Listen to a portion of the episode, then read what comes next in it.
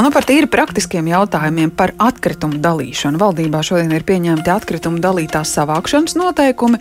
Tad nu mēģināsim izprast, kas un cik drīz mūsu ieradumos būs jāmaina.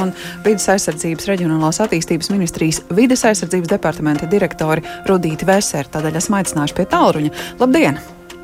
Labdien! Nu, nav jau tā, ka atkritumu šķirot nemākam. Papīrs, plastmasa, stikls jau kādu laiku cilvēki tos met atsevišķos konteineros, bet kas tad šobrīd mainīsies ar eh, šiem nula pieņemtajiem noteikumiem? Jā, tad, tad noteikumi nav gluži jauni un uh, pieņemti pilnīgi tukšā vietā. Tā tad uh, mums bija iepriekš arī spēkā šādi noteikumi, bet ir nākuši vairākas lietas jaunas klāt. Nu, un uh, kā strādāt šos, šīs iestrādāt jaunās lietas un tika pieņemts lēmums, ka noteikumi izdodam no jaunas, lai pateikt, kas un kā. Un viņi nosaka tātad dalītās vākšanas, sagatavošanas, atkārtotā izmantošanai, kas varbūt tāda jaunāka lieta visiem ir pārstrādes un materiāla reģenerācijas uh, prasības. Un tad, tad, ja mēs arī šobrīd jau zinām, ka mums ir um, vairāk kā 5000 dalītās vākšanas punkti, uh, nu, uh, neteikšu precīzi skaitli, šis skaitlis mainās uh, ne pat mēnešiem, bet pa nedēļām, pa dienām, un uh, aptuveni 90 atkritumu šķirošanas laukumu, kur arī attīstās un kur skaits pieaug, un tātad, ja mēs jau šodien mākam šķirot uh, plastmasu, stiklu, papīru, kartonu, uh, un metālu, tad no šī gada janvāra, piemēram, jau Rīgā un Pierīgā ir nākus klāt, nākuši klāt arī bioloģiski noardāmie atkritumi.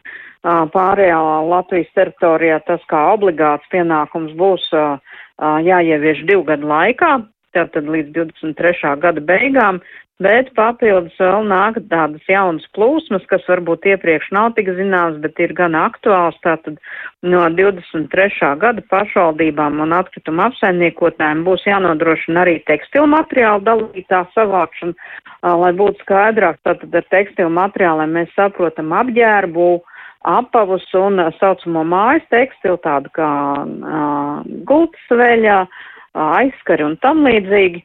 Un jāatzīst, ka tas ir vienmēr bijis tāda lieta, kas cilvēkiem bieži vien ir, ja tas vēl nav novalkāts un tīri labs, ir bijis problemātisks, ko ar to darīt, kur to likt.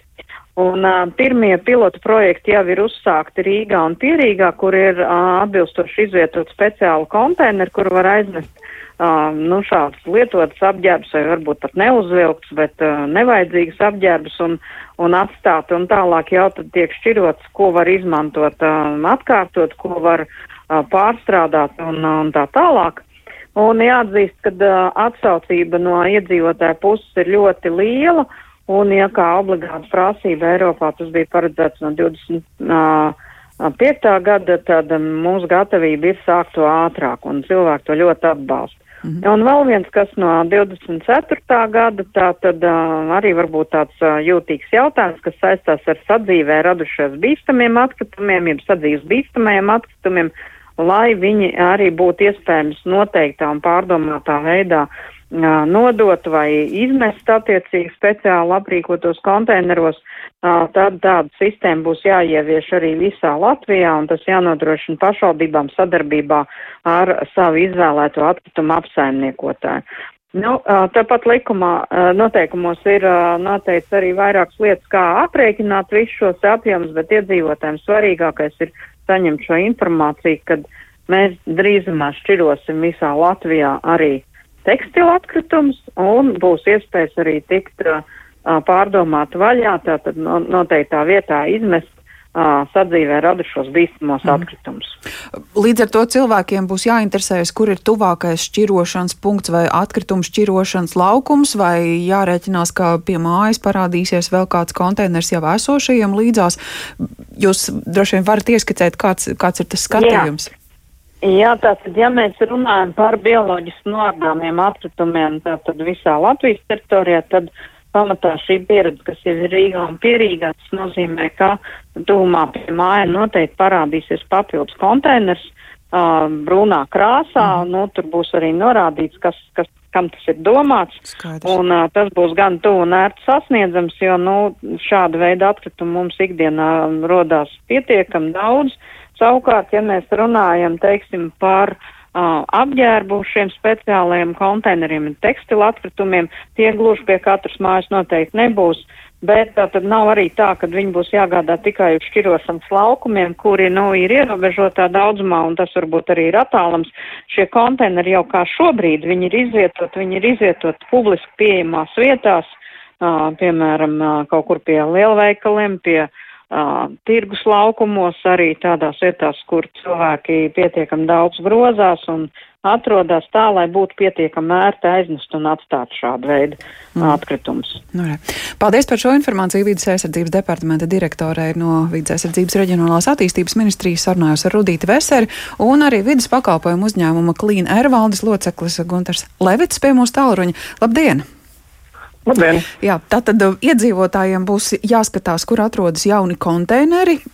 Lai saprastu, kā rīkoties, izmantojot tās iespējas, kas daudziem jau ir zināmas, bet, nu tā, paskatoties uz to infrastruktūru, kura šobrīd jau top, kurai būs droši vien bū, jābūt vēl plašākai, kā jums šķiet, cik pašvaldības un atkrituma apsaimniekotāji šobrīd ir gatavi tam? Es domāju, ka kopumā sakot, uh, Atkrituma apsaimniekotāji noteikti, ka tam ir gatavi vismaz, vismaz privātie atkrituma apsaimniekotāji, kas strādā, kas strādā Rīgas un Pierīgas reģionā, jo faktiski ne bioloģisku atkritumu šķirošana, ne tekstilu atkritumu šķirošana mums vairs nav nekāds jaunums. Uh, to mēs darām Rīgā jau bioloģiskos atkritumus vācam dalīt jau kopš pagājušā gada vidus un arī tekstilu jau pat, jau pat senāk. Un patiesībā atsaucība īpaši tekstilim ir ļoti liela. Tas ko, tas, ko mēs gribētu kā atkrituma apsaimniekotāji, ir lielāku pašvaldību iesaisti. Un, ja teiksim, Rīgas gadījumā mums ir ļoti laba sadarbība izveidojusies tieši bioloģisko atkritumu apsaimniekošanas jomā, tad pārējām pašvaldībām gribētos lielāku iesaisti. Un te jācer, ka, teiksim, tā jaunā teritoriālā reforma palielinot šo te um, pašvaldību izmērus un samazinot viņu skaitu, radīs pietiekoši lielu uh, kā lai saka, mm, tādu iespēju viņiem uh, novirzīt resursus arī atkritumu problēmu risināšanai, jo mēs vieni paši, kā atkrituma apsaimniekotāji, diemžēl nespējam pilnvērtīgi sasniegt atkritumu radītājus, lai stāstītu par atkritumu šķirošanas nepieciešamību. Nu, bez informācijas un, un pieredzes un apgūves procesa vēl viens svarīgs jautājums, kas cilvēkiem noteikti radīsies, kā tad ir ar izmaksām, kas par šiem jaunajiem konteineriem, kuros nu, no vienas puses var uzskatīt, ka būs arī otrais izmantojami resursi, tīrāki resursi. Viss vairs nebūs olu čaumals ar, ar vecot vielu vienā konteinerā. Jā, izmaksas neapšaubām ir ļoti būtisks jautājums, īpaši ņemot vērā to, ka jau pēdējos 5-7 gadus katru gadu palielinās dabas resursu nodoklis par atkritumu izgāšanu poligonā un arī nākamgad tas palielināsies, līdz ar ko māksla par nešķi, atkritumu nešķirošanu, par nešķiroto atkritumu izvešanu katru gadu palielinās un arvien būtiskāk un būtiskāk kļūst.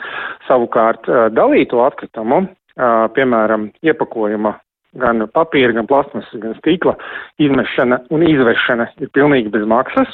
Tātad tas uzreiz jau ļauj samazināt apjomu, ko mēs maksājam par nešķirotajiem atkritumiem. Tālāk par bioloģiskiem atkritumiem maksa parasti ir 30-40% mazāka nekā par nešķirotajiem sadzīves atkritumiem. Mm. Tātad atkal ir ieguvums.